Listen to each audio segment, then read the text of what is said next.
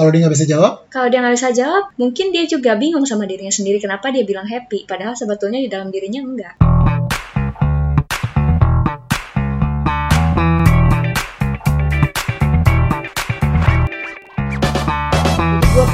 Cerita sama dua orang yang berbeda, si A dan si B. Gue pertama cerita dulu sama si A. Pas gue cerita tuh dia diem, terus kayak yang serius gitu. Akhirnya tuh dia cuma bilang, yang sabar ya. Udah gitu doang. Terus kemudian beberapa hari setelah itu, gue cerita sama si B. Nah, si B ini nanya-nanya justru, oh gitu ya. Jadi waktu itu tuh lo tuh sama dia lagi nggak ada masalah ya. Iya bener nggak ada masalah. Gue cerita lagi. Si B ini nanya lagi, tapi nanyanya tuh kayak merangkum cerita gue yang barusan gue omongin ke dia gitu. Menurut lo mana yang empati? Yang A apa yang B? menurut gue yang B. Memang sih kedua-duanya sama-sama mendengar ya. Tapi kalau yang B itu mengulang kembali cerita, menurut gue itu akan membuat si yang bicara itu merasa bahwa oh dia ini ternyata dengar.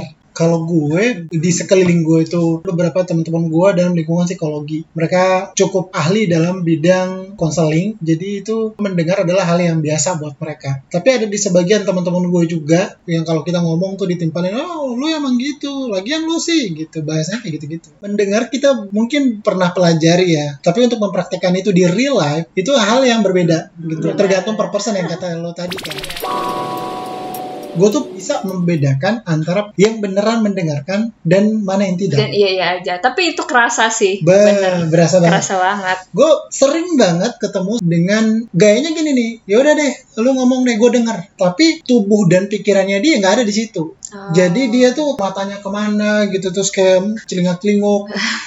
It's okay sih, nggak apa-apa. Cuman dia tidak benar-benar memahami konten yang gue sampaikan. Kalau menurut gue sih pada sebagian orang gitu ya, mereka hanya mendengar untuk menunggu giliran mereka menjawab. benar benar banget. Iya. Benar banget. Jadi kalau orang yang memang bentuknya seperti itu dan tidak pernah dilatih, sangat membosankan sih menurut gue.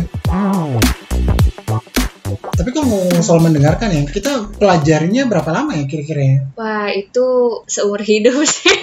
Karena tuh itu life skill sih bang. Maksudnya itu bukan kayak lo masuk ke dalam satu kelas terus udah gitu lo dilatih selama misalkan 2 sampai tiga jam. Abis itu keluar-keluar lo akhirnya bisa mendengarkan secara empatik enggak. Hmm. itu tuh butuh konsistensi, lu butuh menurunkan ego, lu butuh untuk rendah hati. Karena kalau yang gue rasain ya, ketika gue berusaha untuk menyimak apa yang orang katakan, kadang tuh kan kita ketika ngedengerin satu argumen atau dengerin orang tuh kan rasanya pengen kayak, ih nggak gitu, nggak gitu gitu. Nah itu tuh ego sebetulnya. Itu dulu yang harus kita sadari bahwa lo kalau mau dengerin orang, jangan sok bener dulu dalam diri. Dengerin aja dulu, pakai sudut pandangnya dia gitu. Jadi ketika dia bicara tuh di kepala lo tuh lo membayangkan adegan-adegan yang sesuai dengan si orang ini katakan. Itu bakal lebih dapet sih lo bakal ngerti gimana rasanya jadi dia. Setuju. Mendengar secara benar ya, itu kita seperti benar-benar menyetujui apa yang dia sampaikan gitu. Walau Seolah-olah ya seolah-olah dalam tanda gitu. kutip. Walaupun apa pun yang dia katakan tuh misalnya menurut kita tuh keliru, Betul. tapi kita mencoba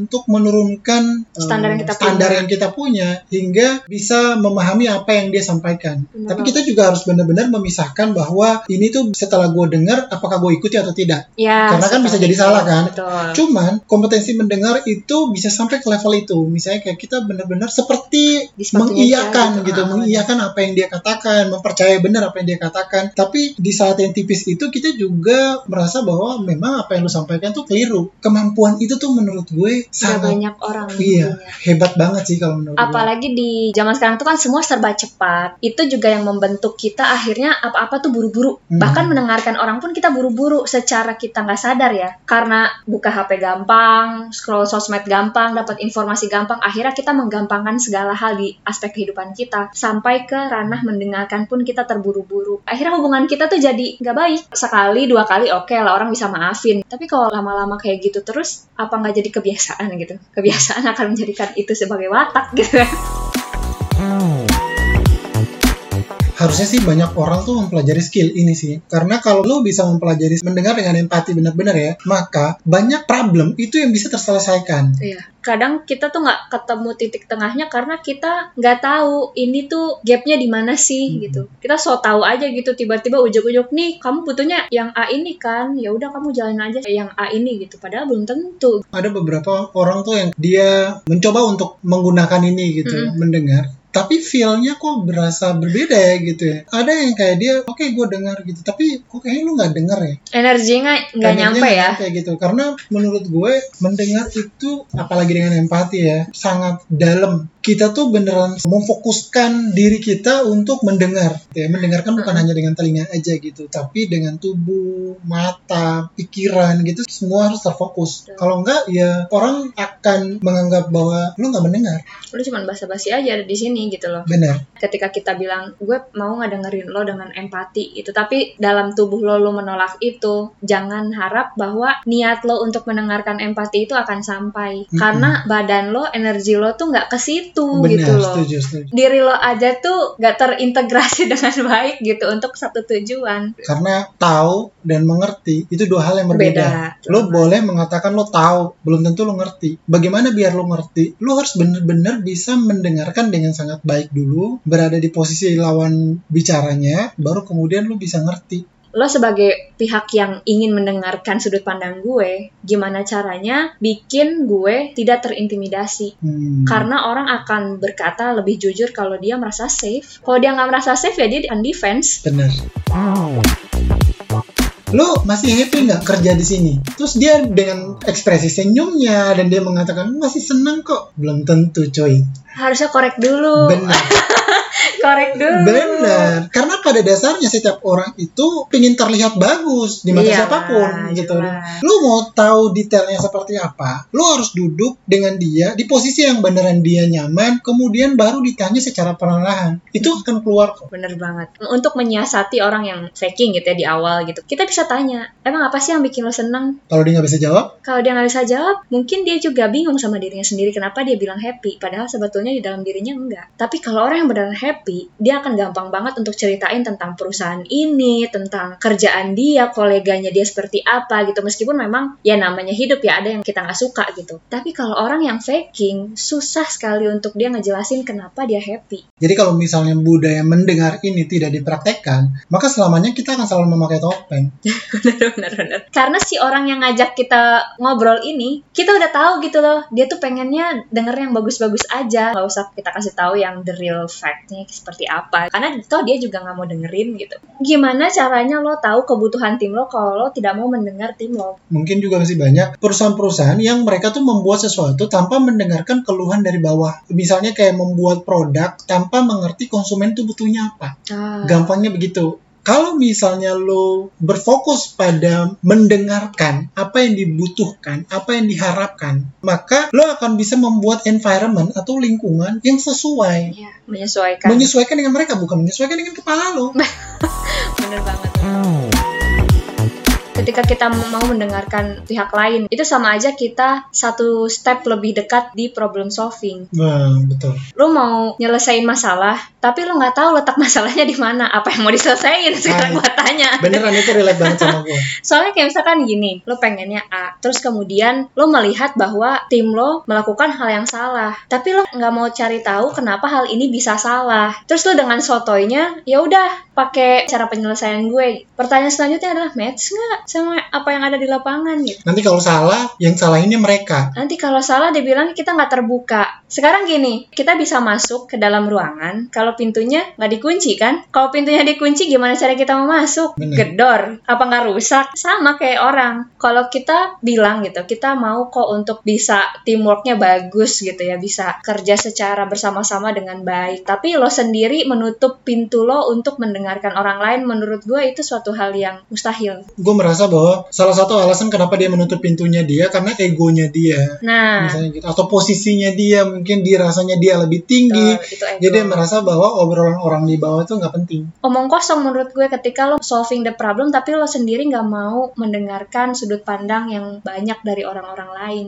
Waktu gue dikasih sempat memegang sementara di rekrutmen, dua minggu pertama gue langsung interview banyak orang. Jadi gue nggak langsung judgement bahwa gue harus A, harus B, harus C, enggak. Di dua minggu pertama, itu kerjaan gue adalah mendengar. Udah, lo kerjanya ngapain? Padahal sebenarnya gue udah tahu juga lo kerjanya ngapain. Cuma gue pengen tahu aja gitu, lo kerjanya ngapain, kesulitan pekerjaan lo apa, masalah-masalah lo apa, plus lo nyaman di sini atau enggak. Lo merasa bahwa jabatan atau posisi lo saat ini fit dengan lo atau enggak. After dua minggu itu gue rombak. Oh ini nggak cocok di sini nggak cocok di sini nggak cocok di sini posisinya di sini. Gue tuh secara pribadi kan sudah pernah berkenalan dengan mereka mengetahui mereka kerjanya ngapain. Cuman kan menurut gue kalau gue belum sampai problem paling inti dari posisinya mereka mungkin kalau misalnya gue menggunakan otak gue doang jadi gue hanya melihat kulitnya aja. Once itu akan ada masalah-masalah yang lebih deep lagi yang sebenarnya harusnya gue bisa dapat gue nggak mau pada saat gue melakukan decision ada hal-hal yang tidak tergali. Kalau kita mau latihan mendengarkan secara empati itu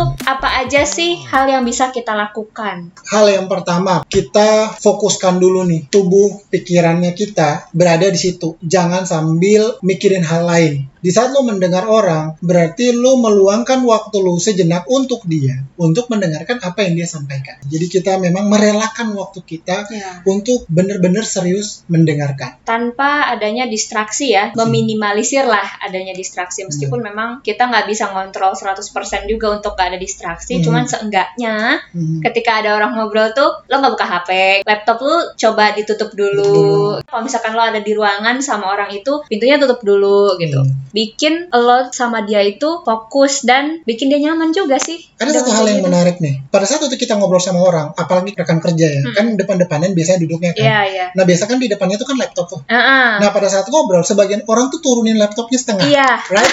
right? benar Turunin benar. laptop setengah. Ada sebagian Iya. orang tuh memang dia dibiarkan terbuka aja ngomong gitu. Jadi yang muncul tuh kepalanya aja gitu kan. Oh, benar Gitu. benar benar. Ada sebagian merasa bahwa oh, oke dia menghargai dengan diturunkan dulu laptopnya setengah. Mhm. Menurut gue itu sudah lebih bagus. Betul. Lebih bagus lagi menurut gue beneran ditutup. Iya sih. Tapi Ditutup jangan lupa bener. di save dulu ya. Iya, iya, iya. Kalau gue melihatnya laptop tuh sebagai barrier. Barrier. Kalau misalkan nih, bos people ngobrol sama teman kantor, terus si teman kantornya ini tidak menurunkan layar laptop atau tidak menutup laptopnya, mungkin itu bisa jadi salah satu tanda bahwa orang ini nggak pengen ngedengerin gue banget kok gitu.